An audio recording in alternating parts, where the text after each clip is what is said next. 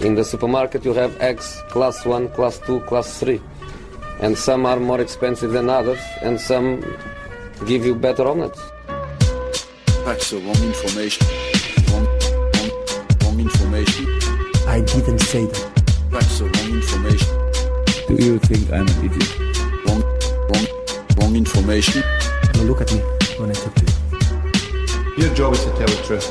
That's the wrong information.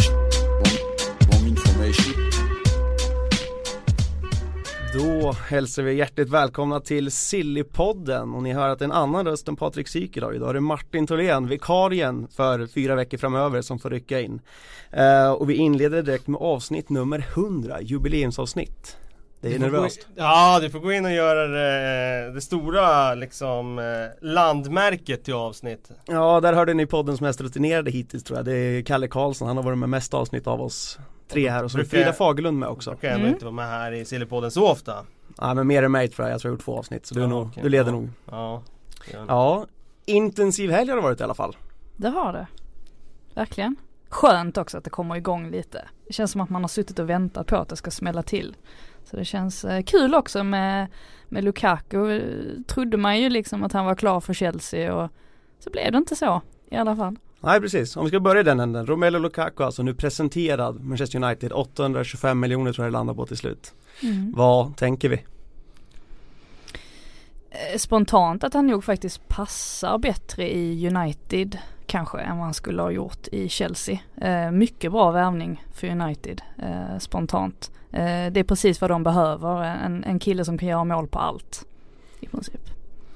Ehm, ja, jag, tror- jag tror i och för sig att han har passat i rätt många miljöer. Eh, han är ju ganska komplett sådär. Det, det man saknar det är väl kanske den där Han har inte den där tekniska nivån som de eh, kanske allra bästa eh, på just det området har. En Agüero eller en eh, eh, Ja, han har inte den där liksom eh, grundtekniken som, eh, som gör att han sätter varje passning och sådär. Han går ju mer på kraft och så. Eh, Manchester United har ju varit i stort behov av en, en eh, ja, offensiv förstärkning. Nu försvann Zlatan. Eh, nu ska jag säga att de går lite en annan väg. De eh, försöker få in en forward som är mer rörlig än vad, vad de hade i fjol. Det var i och för sig inte så överraskande att de går den vägen för att deras spel blev ju väldigt statiskt i fjol. Zlatan gjorde det bra men som lag så gjorde de väldigt få mål och att de behövde andra eh, dimensioner i offensiven det var ganska uppenbart tycker jag. Eh, nu får de in en anfallare som både kan buffla eh, och springa och göra mål. Så jag tror också att det är en bra värvning. Sen är det his hiskeligt mycket pengar. Samtidigt får man väl vänja sig vid att det ska vara sådana här stora pengar nu för tiden. Jag tycker att det är sjukt men ja. Ja men det blir väl så när det är Premier League-klubbar som handlar varandra va? Det är väl lite så det känns. Ja så är det ju. Det driver upp priserna och, eh, och sen den här eh, ja, utbud efterfrågans grejen av att eh, det finns inte så många att slåss om. De vet att de här stora klubbarna har obegränsat med pengar och är desperata efter att liksom signa spelare så att de ja, kan slå sig tillbaka till toppen. Så att de vet ju att hade de skrivit, eller liksom satt prislappen på 100 miljoner till så hade det förmodligen eh, varit en Ed Woodward som hade hostat upp 100 miljoner till. Det känns som att 100 miljoner hit och dit är ingenting nu för tiden.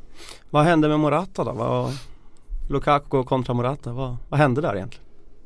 Eh, jag, jag vet inte riktigt. Eh, för på något sätt så tror jag kring Lukaku eh, att den som kanske är mest nöjd med det här borde ju vara José Mourinho som eh, nog njuter lite extra av att få, få ta en spelare som så som verkar så uppenbart klar för, för Chelsea. Eh, känns som att han sätter nog mycket värde i det, mycket mer än vad, vad man kanske tror. Men Morata, nej jag vet inte riktigt eh, vad som hände för det kändes som att Morata själv också ville till United eh, och att den affären var ganska långt gången. Ehm, Jag har sett några spekulationer kring om eh, relationerna mellan Manchester United och Real Madrid inte är så bra nu efter David de Gea haveriet där när den affären sprack på ja, en faxmaskin som strulade där i slutet av eh, transferfönstret för ett par år sedan. Och, eh, att Real ska sinkat liksom affären av det och eh, att United tröttna. Eh, så, som du säger, jag tror, jag tror eh, Mourinho han är ju jättenöjd över det här och få en få en över Chelsea liksom. Eh, sticka en liten kniv liksom in i den eh, borgen. Det, det är klart att han, när vi känner honom så är det klart att han njuter av det. Eh, jag tror också att eh, för Uniteds del så det kostar väldigt mycket pengar med Morata men spelare som Han är bra, absolut, men han är inte eh, Han har inte varit ordinarie i, i så många av sina A-lagssäsonger. Och Lukaku har gjort det nu under så många år. Eh, och var väldigt, väldigt bra under förra säsongen. Och är van med ligan, van med tempot i England och så vidare. Så att eh, eh, det känns lite säkrare att värva Lukaku än att värva eh, Morata. Samtidigt så tror jag att Morata har kanske en, en dimension. Eh, om han liksom når sin fulla potential så kanske han har den dimensionen som Lukaku inte har, Mm. har i sitt spel. Men är ni förvånade över att Lukaku och Mourinho återförenas efter deras skilsmässa under tiden i Chelsea? Eller är det vi andra som målat upp det som något mycket värre än vad det egentligen var eller? Jag tror nästan att vi nog har målat upp det så mycket värre. För jag tror det var SCN för, för någon månad sedan som, som gick ut och sa att eh, han inte alls upplevde det som att eh, Mourinho och Lukaku hade något dåligt förhållande. Eh, sen att de kanske inte hade den här far och son relationen som ganska många spelare verkar ha till Mourinho. Det, det, det vet man inte riktigt men det verkar ju inte som att det var speciellt mycket osämja. Det är väl någonting kanske som har blivit upphaussat i, i media. Det kanske var så att Mourinho där och då lyckades motivera för Lukaku eh, på ett bra sätt att eh, du mår bättre av att vara i en annan miljö än att vara här för här kommer du inte vara garanterad starter.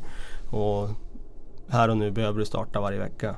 Jag menar man kan inte säga att hans eh, liksom övergång därifrån och så vidare var dålig för honom. Han gjorde massa mål på lån i West Bromwich och sen eh, gick han till Everton och eh, ja, hade ju en bra tid där liksom. Exakt. Toppen, om vi lämnar Lukaku för ett tag men vi ska ändå hålla fast lite vid honom. För vad händer i Chelsea nu då? Det var ju, Lukaku var ju given i Chelsea men nu är han i Manchester United. Vad händer där istället? Vi kan väl inte räkna, att, räkna med att Diego Costa stannar? Eller? Nej det kan vi inte göra. Eh, det kan vi verkligen inte göra. Jag det känns naturligt att de skulle plocka Morata istället nu. Det är han som är tillgänglig på marknaden. Det är en bra center. Det är eh, ja, eh, liksom, det är inte så lätt att hitta de där spelarna som ska vara, gå och köpa loss och som ja, är i den där kategorin så att de går rakt in i någon av de där klubbarna. Så att det logiska vore att de, att de tar Morata nu då. Mm, Aubameyang har det väl snackats om eh, en del också. Eh, han har ju känts väldigt svårplacerad. Eh, förra sommaren kändes han som den absolut hetaste nästan på marknaden. Och i år har han lite försvunnit i Ja, vi, har inte sett så mycket kring honom. Så att Aubameyang till Chelsea kanske möjligtvis. Ja, ditt långskott. Det det har varit väldigt tyst om, eh, om Aubameyang. Vad, ni som följer flödet här inne på redaktionen, vad, var, Det liksom, har det hetaste varit spåret- någonting nu? Det hetaste spåret har väl varit Kina egentligen. Ja, Det är väl där det snackas om. Det Det var väl ju tragiskt på Det var väl Anton. Anthony Modest, affär, affären föll på grund av att de ville ha Aubameyang istället. Det blev Ja, en bättre kandidat. Så det är väl där det snackas om mest. Men absolut, det är ett tänkbart långskott kan jag också tänka mig. Aubameyang Mm. i Chelsea. Det jag ser framför mig i Chelsea det är ju mer en sån där centerforward. Alltså en mer klassisk center, en stor liksom, fysisk spelare. Eh, och, och ja, det skulle ju inte han eh, vara då men eh, det är klart det, det är lockande att värva sådana där reklampelare också som man vet liksom skulle öka intresset och sälja x antal tröjor och ja, eh, allt det där liksom. Men jag, jag skulle hellre se en, en mer centeraktig forward i Chelsea. Ska vi helt räkna bort Diego Costa i Chelsea eller? Jag vet, senast nu ryktades väl, var det inte Turkiet det pratades om att han Som- skulle hamna i? Som överbrygga ja, eller som Mm. brygga här. För Atletico får inte värva så då skulle de i så Precis. fall registrera han, låna ut han under hösten. Mm. Eller om det till och med är sån där skenövergång liksom att han Mm. går dit eh, och sen att, eh, att det blir en övergång i, i vinter till Atletico då. Eh, Det är nog inte omöjligt. Eh, De där ryktena, alltså det brukar vara ingen rök utan eld. Det har säkert eh, liksom funderats och diskuterats i, i kulisserna om den lösningen. Ja, jag kittlas av tanken i alla fall på en Costa kvar i Chelsea med Mm. Conte. Oj oj vilken höst vi har Absolut. framför oss då. Vi stannar kvar vid Chelsea så har ju de också presenterat en kille i helgen. Och Eh, Jag vill bara skjuta in där, det behöver ju inte vara alltså, negativt. Jag menar de hade ju sina duster under den här säsongen. Han, eh, ja, båda kändes som svalde stoltheten och när han kom tillbaka så gjorde han det bra ändå liksom. Trots att de inte hade, eller de hade haft sina meningsskiljaktigheter. Så att jag tror att om han stannar så de kan nog svälja den stoltheten igen och han kan göra liksom en bra eh, sista säsong i, i Chelsea innan han går. Mm, det känns som att han bryr sig väldigt mycket om Chelsea också. Eh, vet, näst, alltså när de säkrade titeln den matchen så satt ju han på, på bänken tror jag. Och man såg verkligen hur engagerad han var från bänken. Det var nästan lite Cristiano Ronaldo i EM-finalen stil på honom. Och då insåg man ju det att den här killen bryr sig nog väldigt mycket om Chelsea. Jag tror det spelar säkert också in i, i hans framtida val. ja. ja, vi får se hur det slutar där. Men Chelsea, Rydiger, Antonio från eh, Roma, klar Mm. nu. Eh, presenterad igår. Mm. Precis, de behövde ju förstärka med någon mittback där. Terry bort, eh, Nathan Ake bort. Eh, I och för sig fått tillbaka Andreas Christensen men han känns ju bara som backup och om ens det skulle jag säga. Eh, han kan ju gå på lån igen mycket väl. Eh, det är bra värvning tycker jag för de där pengarna. Det är ju en klassförsvarare och jag tyckte inte det var så mycket pengar eh, i den här marknaden så att eh, ja, drygt 30 miljoner pund det är väl vad, vad, vad en sån försvarare ska kosta. Eh, så att eh, nej, det, det är en riktigt bra förstärkning. Eh, bra ålder, eh, fortfarande utvecklingsbar. Så att eh, nej, det känns som uppgradering där. Ser ni honom som en startspelare eller ser ni honom som ett komplement först och främst? Ah, det blir ju ett pussel där såklart. Det är ju tufft att slå sig in i en backlinje som var så bra förra säsongen. Men det är klart att han har ju lite mer fysik än vad en sån som Aspilicueta har. Eh, Aspi gjorde en bra säsong i fjol men eh, jag kan ju också se att han har lite eh, brister så han blir lite bräcklig i huvudspelet och sådär. Till exempel Tottenham utnyttjade det i sin match när de gjorde två mål. Eh, just i den ytan där Aspilicueta eh, borde ha stått och nickat bort bollarna men eh, jag kan se han utmana om den platsen till höger där i det försvaret. Mm. Känns, I som en, där. känns som en mångsidig försvarare eh, som både kan spela mittback och ytter, eh, högerytter då framförallt. Det känns som att man kan nog eh, hitta någon plats eh, för honom. Ja för det känns väl som att Victor Moses han kanske inte ska vara första allt hela vägen in. Nej, alltså han började ju säsongen väldigt, väldigt bra. Sen kändes det som att han tappade ju mer säsongen led och skulle man peka på någon liksom position i den där Chelsea-elvan som man verkligen skulle kunna gradera upp om man nu ska liksom sikta på att lyckas i Europa så känns det som att där skulle man kunna få in ja, eh, bättre kvalitet. Ehm, så vet jag inte om Rydiger har den offensiven så då skulle jag nästan vilja ha en ännu bättre spelare där. Alltså om vi snackar upp i Europatopp och sådär.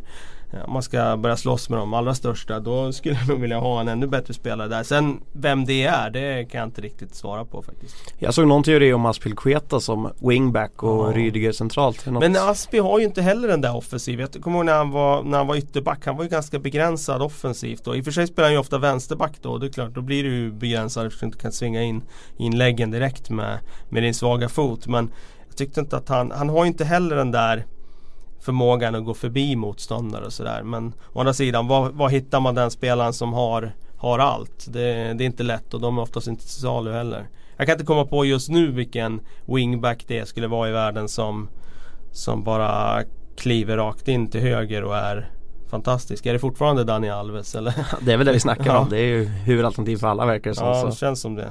Det, det. det är svårt att hitta den där spelaren som har alltså, offensiven kan eh, avgöra matcher på det där sättet som Dani Alves gjorde i Champions League under våren. Och samtidigt inte bli liksom att du stoppar ner en ytter där som blir jättesvag defensivt. Eh, det är inte lätt att hitta. Nej. Om vi jobbar oss vidare i England så är det ett annat lag som har, eh, ja även fast man tappar Lukaku så får vi säga att de har satsat i alla fall. Känns får det man som. säga. Får man säga. Everton pratar vi alltså om. Eh, senaste värvningen det är ju såklart Wayne Rooney. Eh, tillbaka i Everton. Trodde ni på det här för fem år sedan?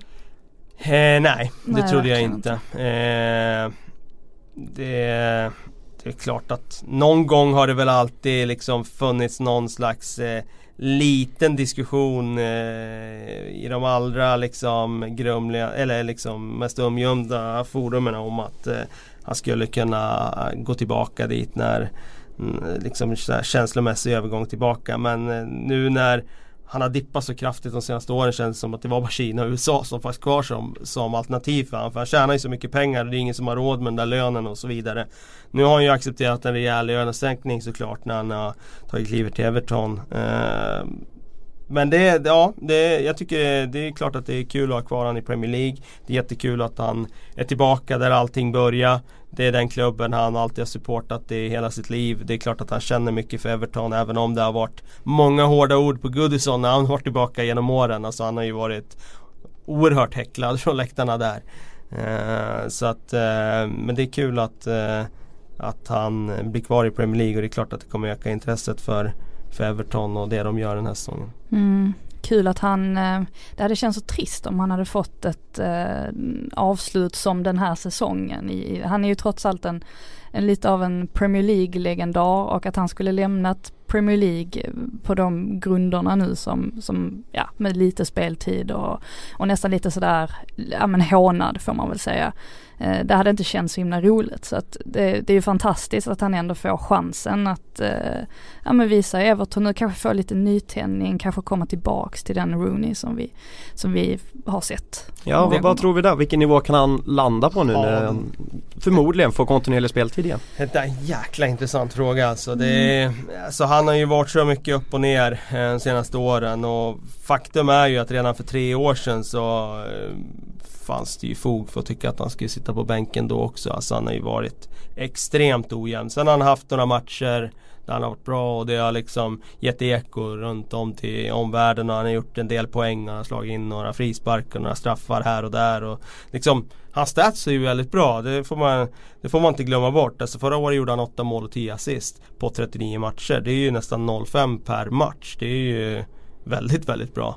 Och han är ju en poängmaskin på det sättet. Samtidigt så spelmässigt så har han ju, han ju varit långt ner i källan många gånger.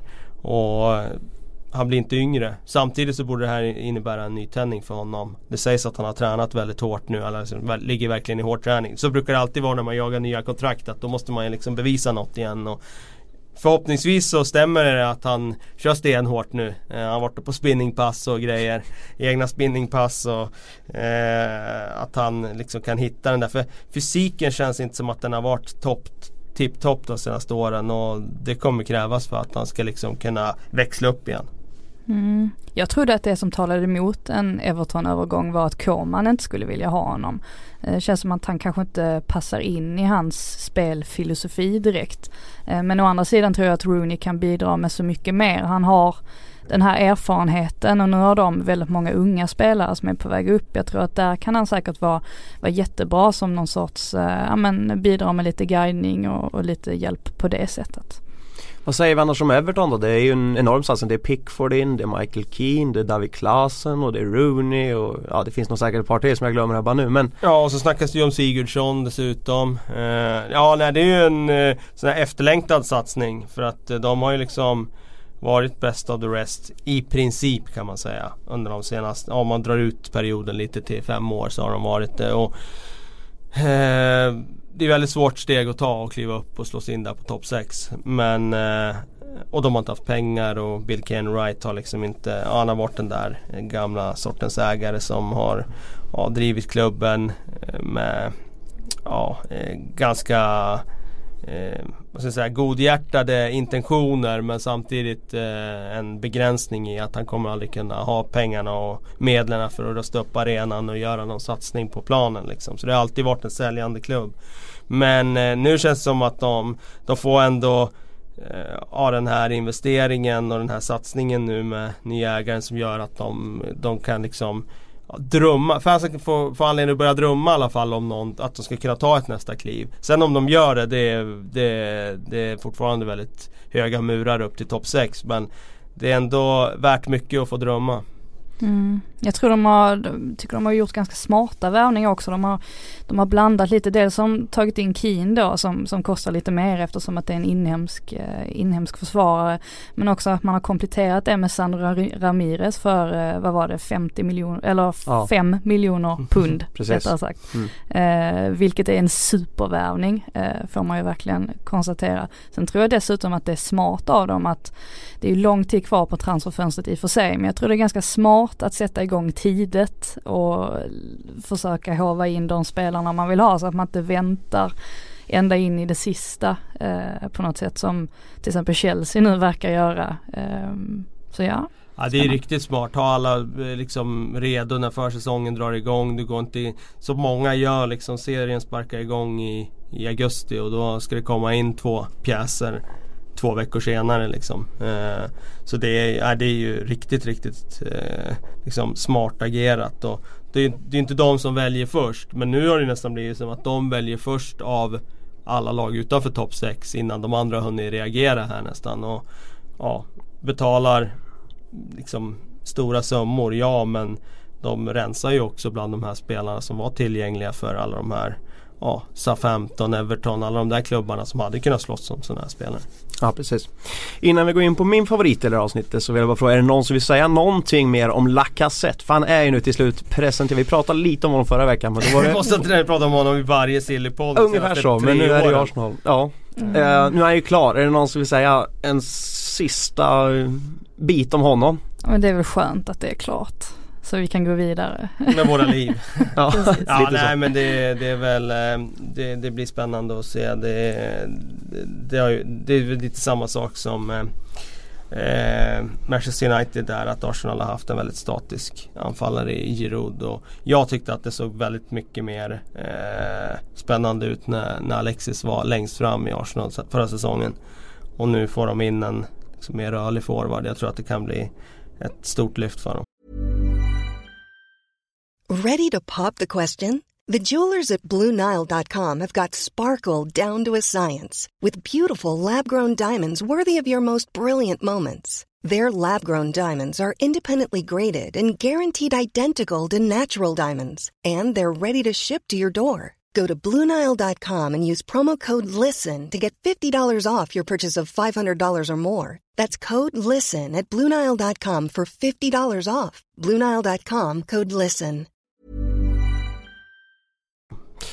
Ja, eh, och då ska vi då gå på min, på min favoritdel här som jag har kuppat in i det här avsnittet. Eh, announcements kallar jag den.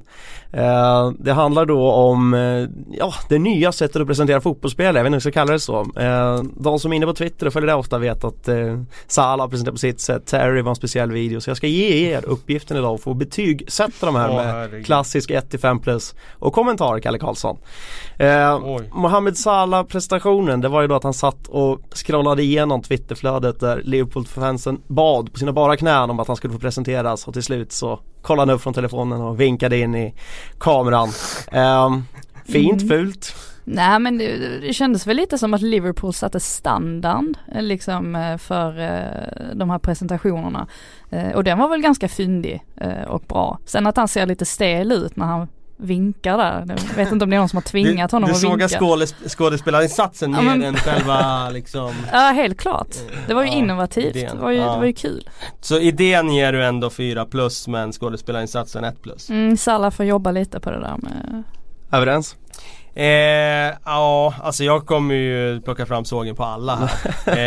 eh, för mig är det ju rent jävla Det här är ju där. nya. Ja, och jag gillar inte det nya. Nu låter jag ju extremt gammal, grå och bitter här men Alltså vad är det de håller på med nu för tiden? Vad är det för larv de sysslar med? Vad, var, varför? Var, var liksom, ska allt handla om likes och sånt där eh, nu för tiden liksom? Kan det vara så att vi 90-talister är mer mottagliga Ja, för de här Vad förändringarna? jag längtar till att Vasalund presenterar en värvning så här i sommar alltså. Ja vi får fundera på det alltså. Det, det, det är kanske så här det ska göras alltså. Eh, för att det ska nå ut i bruset. Eh, bra idé där. Eh, men eh, nu när du säger det, det, snart kommer ju liksom någon division 5-klubb och presentera också med någon hiphop-video eller vad det nu är. Ja det tog väl fart förra sommaren med Paul Pogba, det var väl då det började egentligen. Eh, men John Terry då? Det var ju Tony Shea där som hade stor show på Twitter och startade en WhatsApp-grupp, eller ja, hans mediateam kanske vi ska säga.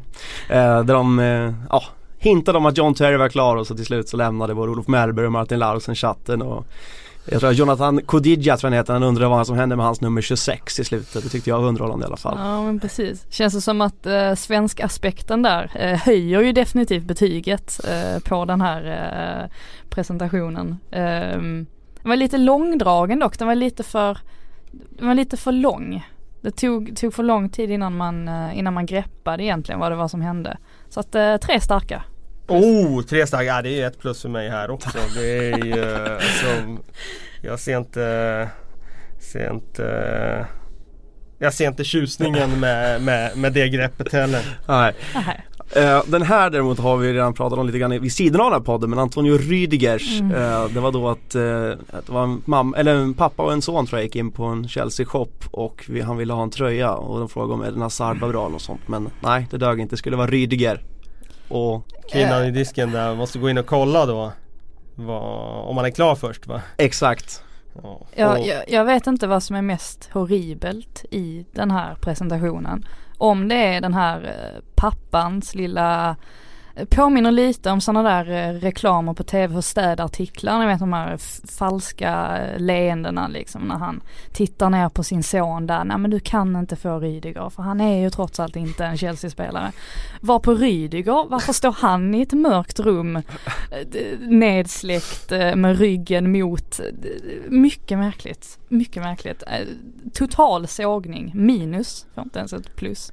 Kalle 5 plus eller? Eh, nej, eh, alltså jag ligger ju standard på mina 1 plus på de här. Eh, det blir varken mer eller mindre. Eh, så att, eh, men det finns ju inget eh, mindre än 1 plus heller. Eh, det finns väl inte överkorsat plus så visst jag vet. Jag tror vi har ett minus i vårat Har vi det? Jag tror det, så du får Mm. väl sätta det om Ja okej men då är ju Det alla här var ju, minus. Ja, nej, alla men det minus. här, det här Eh, var ju en, Sen var ju den här ännu sämre. Själva, det blev ju liksom ett löjets skimmer över den här. Och det tror jag även Chelsea-fansen själva tyckte att det här var inte, nej, det var inte anständigt riktigt. Nej Wayne Rooney då? eh, Vill, vill po- poängtera där att som du säger det började med Pogba förra sommaren och det gillar man ju inte heller fenomenet att Pogba sätter agendan för det här. För vi har ju sett att han sätter agenda för både emojis och allt möjligt och är det dit vi är på väg så tycker jag att det Men. Pogba, så är ju- han är ju lite, den där var ju lite mer i tiden. Det kändes som att Chelsea de tog ju tio steg bakåt i tiden. Efter den här videon. Det, var ju, det, det är ju där skillnaden ligger.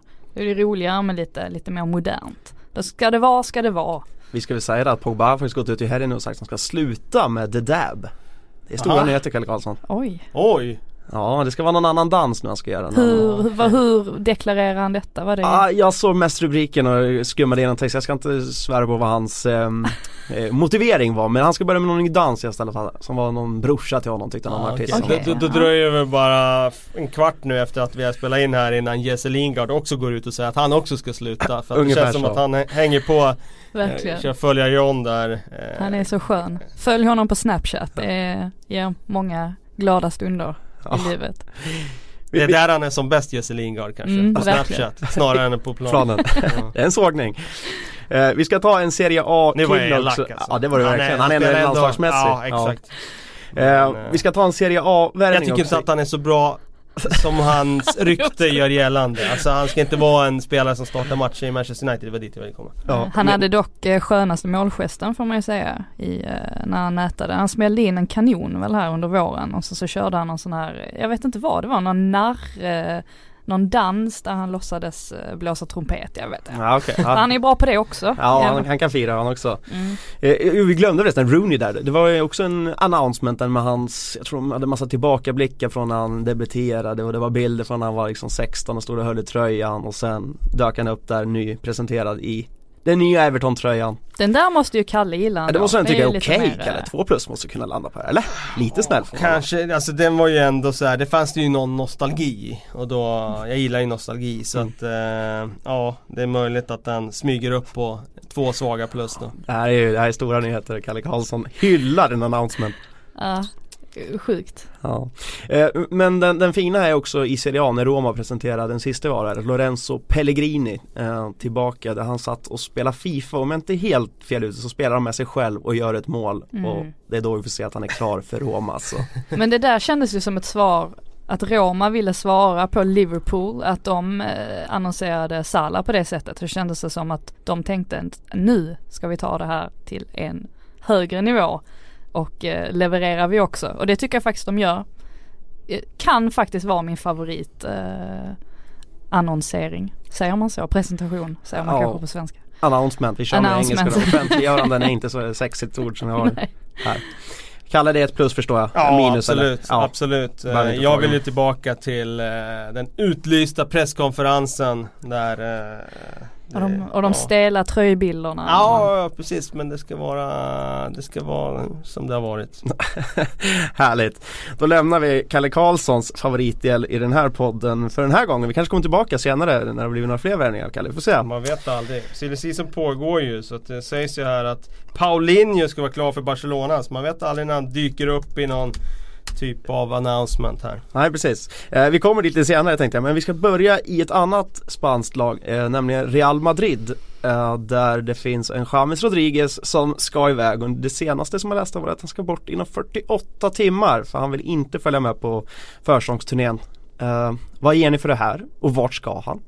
För det första tycker jag ju att prislappen på honom är hiskelig för en spelare som knappt har spelat.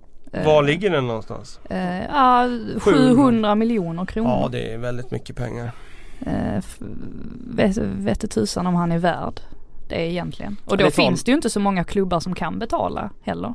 Nej det talas ju om Manchester United och det talas lite om Chelsea. Mm. PSG finns väl fortfarande med där någonstans. Mm. Liverpool hörde jag också i förbifarten men det känns som att Det känns väldigt trevligt. Ja. Ja, är det verkligen. någonting de inte behöver så är det väl James Rodriguez. Å andra sidan, det, skulle de värva honom då skulle det få mig att tro att Coutinho är på väg bort. För annars har de ju absolut inget behov av James. Eh, svårt att tro att Manchester United skulle eh, ta honom.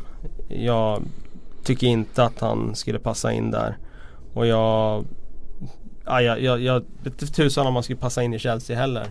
De har ju ingen nummer 10 roll riktigt i honom. Utan då skulle det ju bli att han fick utgå från kanten och det tror jag inte heller är hans roll. Så att, nej, jag vet inte om det finns så många klubbar som, som verkligen är i behov av honom. Så att eh, den där prislappen kommer nog eh, sjunka rätt rejält här när de märker att kön på klubbar är inte så himla lång. Det var lite komiskt också att uh, Luka Modric enligt Independent ska vi säga nu så det är ju inget, inget officiellt uttalande. Eh, men att Modric hade sagt att uh, gå inte till United för att det är ett steg ner. Jo fast får man inte Ja. spela i Real Madrid så borde det väl rimligtvis vara ett steg upp ändå tycker man. Ja, men Ja, det var vad- som att vad- stega upp från Real Madrid. Ja vad, vad hamnar skulle ett steg som inte är ner från Real Madrid vara? Det skulle vara till Barcelona eller Bayern München. Ja, Ja det är de två. Precis. Möjligen, möjligen Juventus som skulle kunna vara ett steg, bara något trappsteg ner.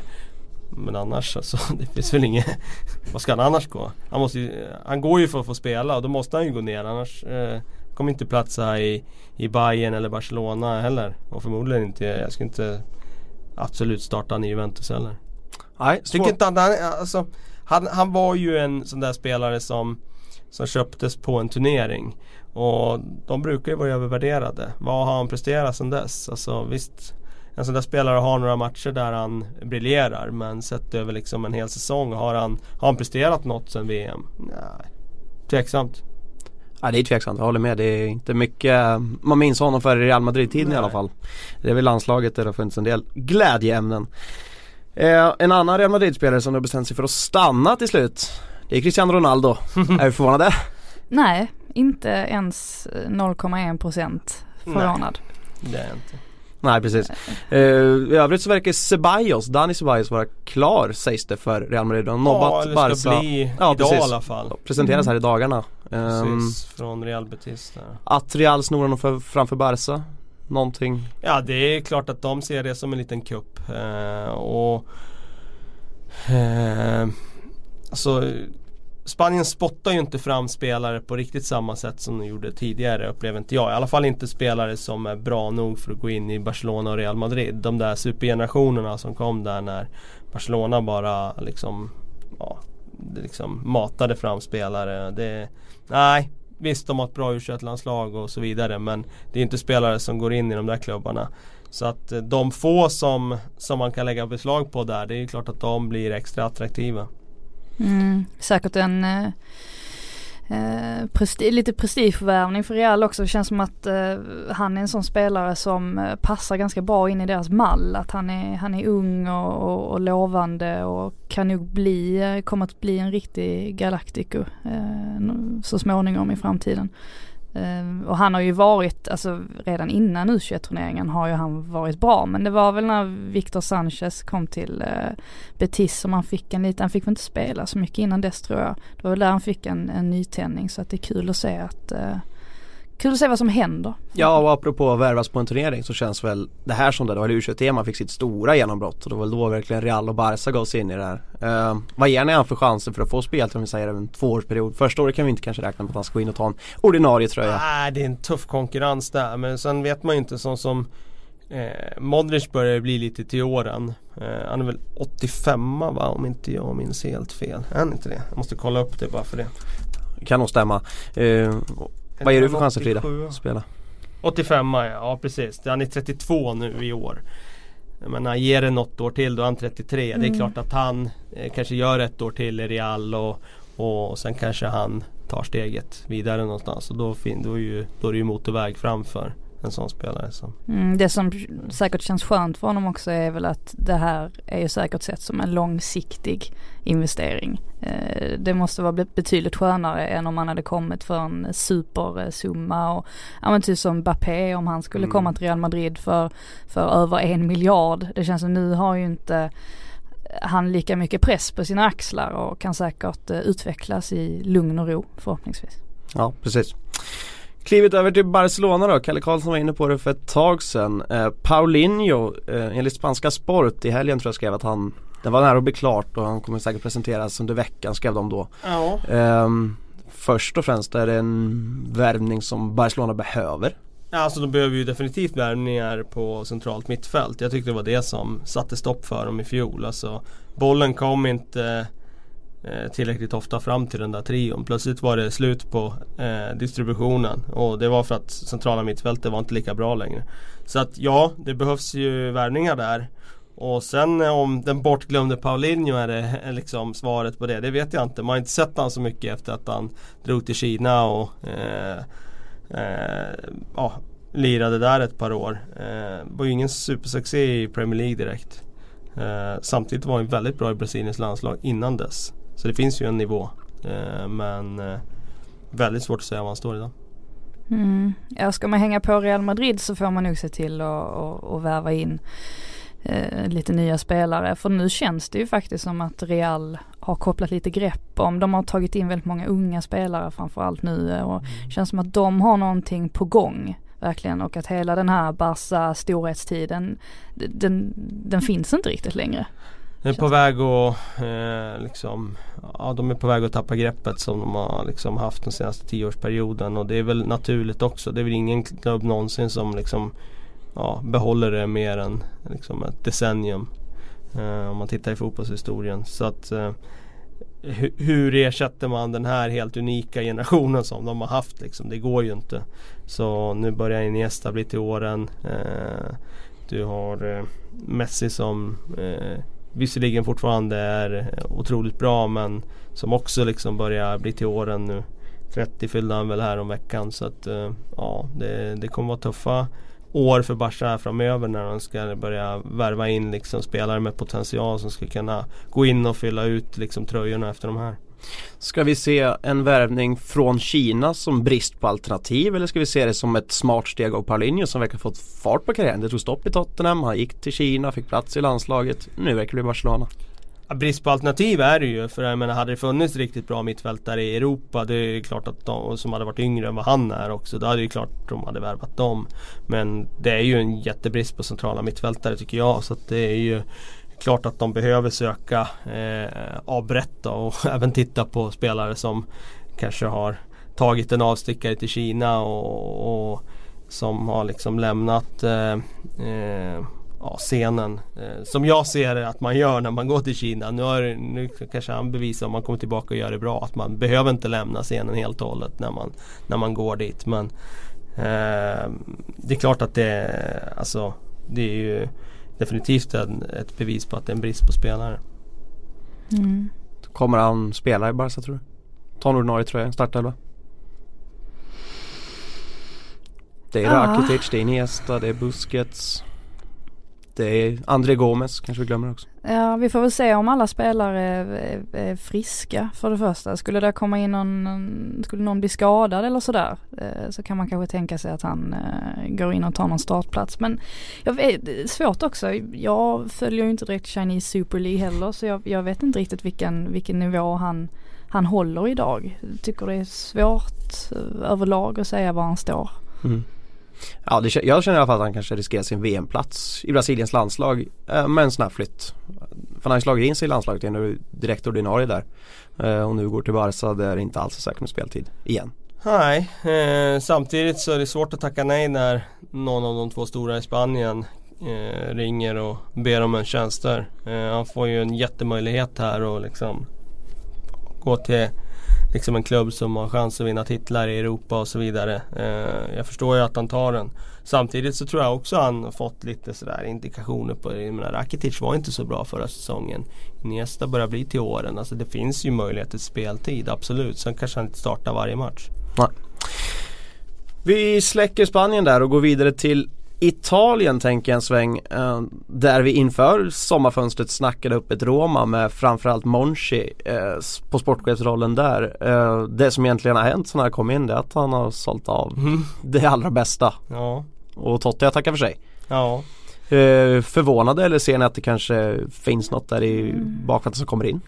Han var väl tvungen att sälja av spelare, var det inte så? För att, för att de skulle leva upp till financial fair play. Så det är kanske inte så konstigt att han har, att han har gjort det. Sen tycker jag att till exempel försäljningen av Sala är ju en otrolig vinst för dem. De har ju, hur mycket har de tjänat på honom egentligen? Eh, det är ju flera hundra miljoner nästan. Mm. Eh, så att, att de sålde honom var ju inte så konstigt. Men det är nu ganska viktigt att behålla till exempel Nainggolan eh, om man vill vara med där uppe och, och slåss bland de allra bästa. Det tror jag absolut. Ja man får inte tappa för mycket. Alltså det, det, liksom det, det viktigaste är egentligen alltid att behålla de spelarna man har haft. Och, eh, Eh, skulle de liksom börja tappa Nangolan också då, då, då är man inte trovärdig utåt. Varken mot fans eller mot andra spelare som kommer in. Om man liksom eh, ska sälja in någonting om att vi siktar på att ja, slåss i toppen. Ja men kan man verkligen göra det om man säljer sina bästa spelare? Eh, det är ju rätt man eh, i alla fall för att eh, liksom bygga det här på nytt. För att det finns ju ingen sportchef egentligen i ja, knappt i, i någon klubb i Europa som eh, har lyckats med det Monchi gjorde i Sevilla. Så att eh, när det handlar om att leta fynd verkligen. Så att eh, eh, Ja, han har sålt av och det eh, känns ju igen från Roma tidigare att det blir det här Ja, det blir samma visa igen att man måste sälja av sina bästa spelare. Men jag, jag har förtroende för att han eh, identifierar spelare som är prisvärda och som kommer att eh, på sikt eh, eh, ja, hjälpa Roma till nya framgångar. Sen innebär inte det att de kommer gå upp och utmana Juventus. Det blir svårt när de tappar de här spelarna men jag tror i alla fall att han han kommer göra ett bra sportchefsjobb i alla fall som kan ställa en bra elva på benen. Men tror ni att Roma riskerar en till exempel Champions League-plats nästa säsong när de säljer av Ja, det- stora delar av Ja men, det centrallinjen? gör, ja, men det, det gör man ju. Det är klart att man riskerar den. Man vet ju aldrig vad man får in. Man vet ju aldrig hur de spelarna lyckas. Så det är klart att de riskerar det. Sen, eh, ja det är helt, eh, helt eh, liksom beroende på hur de här liksom, fynden som Monchi nu ska hitta, hur de eh, lyckas liksom eh, prestera. Mm. Särskilt eftersom att det finns andra klubbar nu som börjar komma, ja men som Milan som, som storrustar. Ja. Då, då finns det ju helt plötsligt ännu fler Ja. hot. Eh, så definitivt måste man ju se Och till att inte hänga vet man med. aldrig vad man har riktigt. Eh, Men ny tränare nu och som de alltid har i och för sig. Eh, Det är väl inget unikt. Det, kan man säga, det kan man återupprepa inför varje säsong. Ja, Eh, under den också kanske? Ja, under den några gånger. Eh, så att, eh, nej, man vet ju aldrig vad man har i Inter. Nu tror jag väl i och för sig att de får det tufft då. Och få ihop ett så slagkraftigt lag så att de ska hota uppåt. Toppen! Uh, jubileumsavsnittet börjar lida mot sitt slut men vi kör väl lite frågor innan uh, vi är klara. Um, vi börjar här med Henrik Auvinen eh, som skriver Alexandro till Chelsea blir inget av. Var väl aldrig ens nära? Frågetecken. Nej jag vet inte hur nära det var eller så. Det, det, jag blev Jag hickade till när jag såg hans prislapp där. Den var ju på tal om hiskeliga prislappar Mm. alltså. Snackar vi det för en vänsterback liksom? Det är ju, ja, det är ju helt otroligt. Över 60 miljoner pund liksom. Så bra är han ju inte. Han är bra Mm. men Det kändes, det kändes ändå väldigt nära där ett tag. Men att det skulle vara något paketpris var det inte så med eh, någon annan spelare. Nu har jag helt tappat Ja, vem det det känner var. jag igen också när du Ja. säger det. Eh, vad som hände där vet jag inte men Juventus lär ju vara eh, ganska glada av att eh, kanske få behålla honom. Även om det såklart hade varit underbart att sälja en försvarare för en reko- rekordsumma på det sättet. Eh, men eh, jag tror ändå att de är ganska nöjda med att, att få behålla honom om det nu blir så. Men tror ni Chelsea är intresserade av någon annan wingback på vänstersidan eller är de nöjda med Marcos Alonso? Han var ju väldigt bra förra säsongen. Eh, så de borde ju rimligtvis vara nöjda men Conte verkar ju oftast vilja förbättra på positioner som man kanske själv inte tycker att de borde förbättra på. Nej inte det Så. att han vill ha två spelare på varje position Mm. också för att liksom verkligen satsa på, på alla olika turneringar. jo, jo det lär väl vara så. Så att eh, ja, vi får väl se om det. Vi tar nästa, Kim Larsson. Eh, Lemar, alltså Thomas Lemar till Arsenal. Vad tror ni om den? Sannolikheten, vad blir spelsystemet om han kommer? Oj. Och är han ersättare till möjligtvis Özil eller Sanchez? Ja, jag tror i och för sig att han skulle kunna vara ersättare till Sanchez om han kom. Jag, tyck, jag håller han väldigt högt. Eh, väldigt, väldigt bra spelare.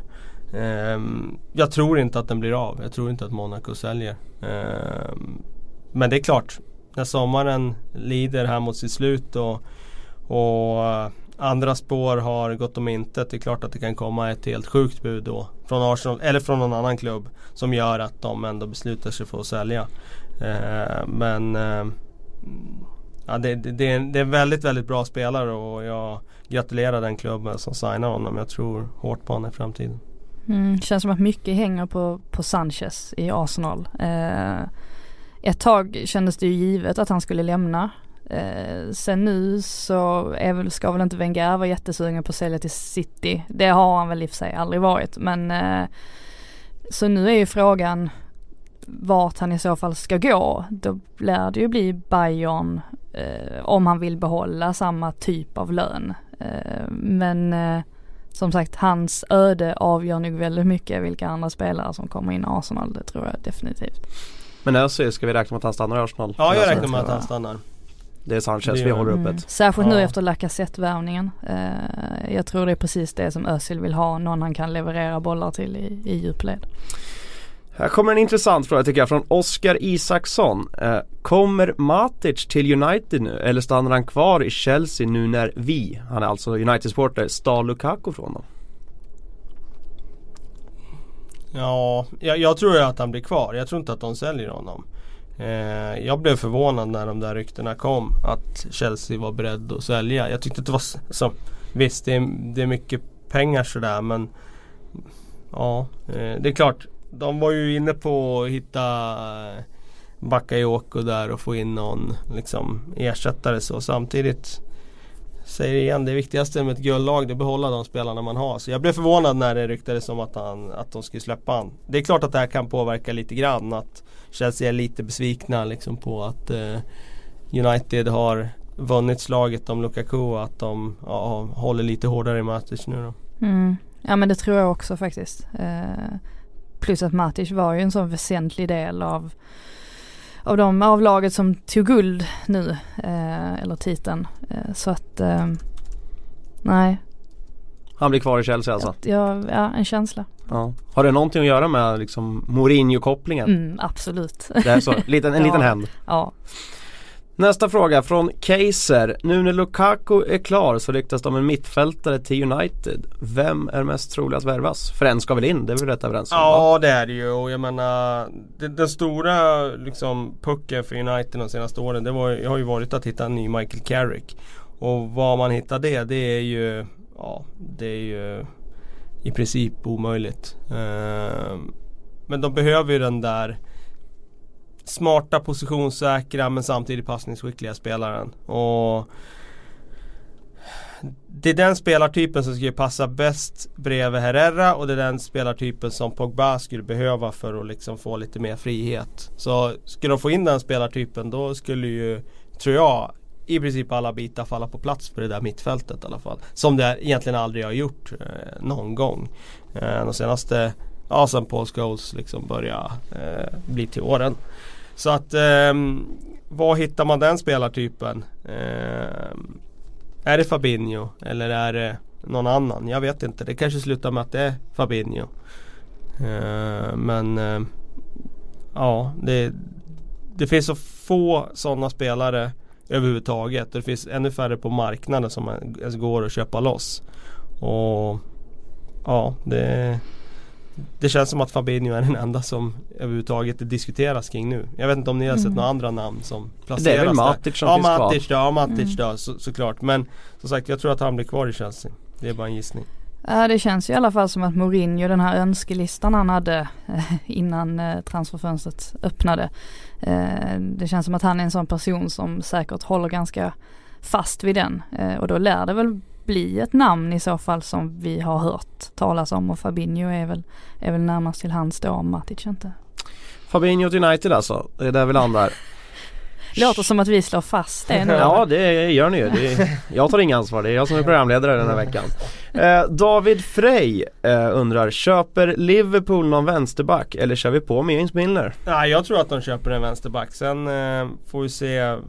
Jag tror att det kommer bli en senare värvning när vi är framme i augusti. Eh, men jag tror att de gör det. Jag tror att eh, eh, även om James Milner har varit bra så så är det en svaghet att de inte har en vänsterfotad vänsterback som kan svinga in lite inlägg därifrån, komma runt och överlappa och så vidare. Så att eh, jag utgår från att, det, jag utgick i och för sig på att de skulle göra det i januari också. Men eh, nu har de haft så mycket tid på sig så att jag utgår från att de landar en vänsterback, ja. Mm, känns som att Liverpool, eh, alltså tidigare sommar somrar så känns det som att, som att de har tagit in väldigt många spelare eh, för kanske lite mindre summor men att de nu har börjat tänka lite mer, ja men vad behöver vi mer konkret och, och hellre, eh, lägger hellre lite större summor på de spelarna. Eh, en vänsterback hade ju i så fall eh, kanske varit väsentligt. Ser vi något namn? Det snackas om Bertrand, det snackas om Robertson, det är väl de jag läst. Ja, Ja, Bertrand vore ju logiskt eftersom vi sa 15 om att hämta halva truppen därifrån. Och han är dessutom Premier League-proven och bra liksom. Stabil. Eh, men är sa 15 sugna på att sälja är jag tveksam alltså. Det, det, det tror jag Mm. inte. Så det beror väl lite på, alltså får de inte sålt eh, van Dijk nu, jag vet inte vad som händer med honom. Eh, Det har tystnat lite efter ja, de har ju eh, satt bråket en där. Ja. sinnessjuk prislapp där känns Mm. det Ja. som. Det, jag läste något nu om att prislappen är 75 miljoner pund. ja. Och det känns som så här, ska någon klubb lägga det då har ju allting liksom skruvats till till en värld där, ja men då går ju allt överstyr liksom. Vad, är, vad får vi se sen liksom? Eh, om det ska sätta liksom ribban för nästa transfer, om van Dijk går för för 75. Men eh, ja, det verkar, han verkar vara satt lite i limbo nu.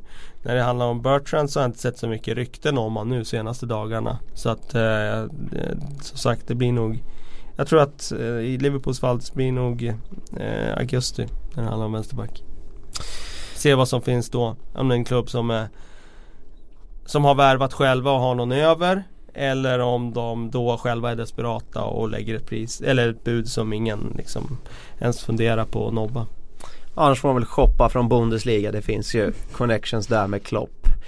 Eh, apropå Bundesliga, det är första segwayen jag gör här idag förresten. Eh, Alexander Brändén, und- eller ja, han undrar inte, han skriver Prata Bayern utropstecken. Eh, best transfers utav topplagen? Frågetecken. De har alltså fått in eh, Niklas Süle, Rudi, Tolisso, Gnabry och tappat egentligen bara Lam och Xabi Alonso som har slutat. Ja just det, det är ju inte vilka tapp som helst. Alltså visst De har väl båda sett sina bästa dagar men oj oj oj vilken erfarenhet. Och När det handlar om Lam så du kan ju inte få en sån ytterback. Eh, Det är väl den bästa ytterbacken i Europa de senaste Ja, tio åren känns det som. Eh, I alla fall den som har hållit jämnast nivå. Ehm, så de tappen ska man nog inte underskatta. Så jag skulle nog inte utropa dem till att ha gjort det bästa fönstret. Sen är det klart att de där, alltså Syli och Rudi var ju smarta värvningar i ett läge där de dels försvagade den främsta konkurrenten där och då i Hoffenheim och dels eh, ja, får in prisvärda spelare liksom. Det var ju jäkligt smart och det känns som att de värvade dem också i ett läge där marknaden hade inte spårat ur ändå. Eh, så att det var ju eh, Ja det var ju väldigt, väldigt eh, kloka eh, förstärkningar. Mm. Bayern kanske är lite tagna på sängen också av att de inte kan eh, värva sönder eh, sin nuvarande främsta konkurrent Leipzig som vägrar släppa sina just spelare. Det, just det. det vilket jag tycker Eh. är, det supportar jag eh, Ja. starkt. Alltså det Absolut. Eh, för att Bayern har ju ändå fått vänja sig vid genom åren att de kan plocka alla hur de vill i, i Tyskland. Då är det ju skitkul att det är någon som bara står emot det och skiter i det. Mm. Det finns väl ett problem där, att Naby Keita har en utköps- utköpsklausul som börjar gälla nästa sommar. Ja okej. Så då kliver. Bayern in då istället kanske. Ja så kan det ju bli. Så kan det ju bli. Och vad ligger den på då? då? Ja den var lägre än alltså den är ju så här Ja. på typ 400 miljoner, nu kan de sälja den för 700. Det är väl där de Ja, står okej. och tänker på nu. Men å andra sidan hur beroende är de av pengar? Jag menar gör han så att de går till Champions League igen och så vidare. Ja men jag menar då, då har du ju igen de där 300 miljonerna. Precis, det är väl där de snackar om i Liverpool nu att de vill sälja dem till Liverpool istället för att gynna Bayern München Ja, nästa sommar. det, Det är väl lite det. det. Den rävsaxen de sitter i. Ja just det. Just det. Eh, David Frey eh, Igen faktiskt, han har en andra fråga här men det känns ju som en riktig Kalle Karlsson fråga. Ja. Vad värvar Newcastle, Brighton och Huddersfield? Det är Ja. alltså nykomlingarna i Premier League som Kalle Karlsson ska para ihop med nyförvärv nu. Oj, oj, oj. Ja det där är ju inte lätt. Eh, det man ska komma ihåg är ju att de här får ju Ja i och för sig har ju Huddersfield värvat nu. Vad, vad var det de värvade här om veckan? Aaron Moy va? Mm. Och de, De Danny honom. Williams. Ja precis, med han jag tänkte på ja. Eh, så de har ju i och för sig värvat redan men samtidigt känns det som att sådana där klubbar de får ju ta bottenslammet av det som blir över. Newcastle har lite tradition och historia och så vidare så de, ja, de har ju plockat den här försvararen från La Liga. Jag, men, jag vet inte eh. Jun eller vad han heter. Eh, Lejun eller någonting. Precis. Eh, väldigt, väldigt svårt att se vad, eh, säga var de, var de landar. Men eh, jag utgår från att både eh, Huddersfield och Brighton liksom spänner bågen rejält här. De kommer säkert plocka in 10 nya spelare, det räknar jag med. Eh, dels för att truppen kommer behöva det men dels för att startelvan kommer ju också behöva mer spets. Så att, eh, och de vill säkert etablera sig, eh, eller i alla fall göra ett försök för att etablera sig. Ingen av de här klubbarna är ju liksom någon så här Burnley som kommer upp och sen liksom eh, Eller Burnley men eh, eh, Ja men Hull City liksom som kommer komma till träningsläger med, med nio spelare och sen har inte tränaren fått liksom Några eh, liksom medel alls utan Brighton är ju resursstarka. De kommer att ge det här ett rejält försök eh, och etablera sig och de jag, jag räknar med att de kommer att värva ungefär 10 spelare vardera. Eh, svårt att säga vilka.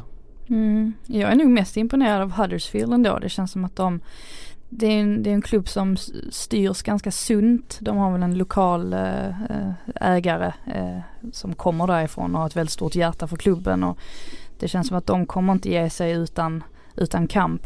Jag tror inte de bryr sig så mycket om att de förväntas ligga där nere i botten utan de kommer göra allt för att hänga kvar.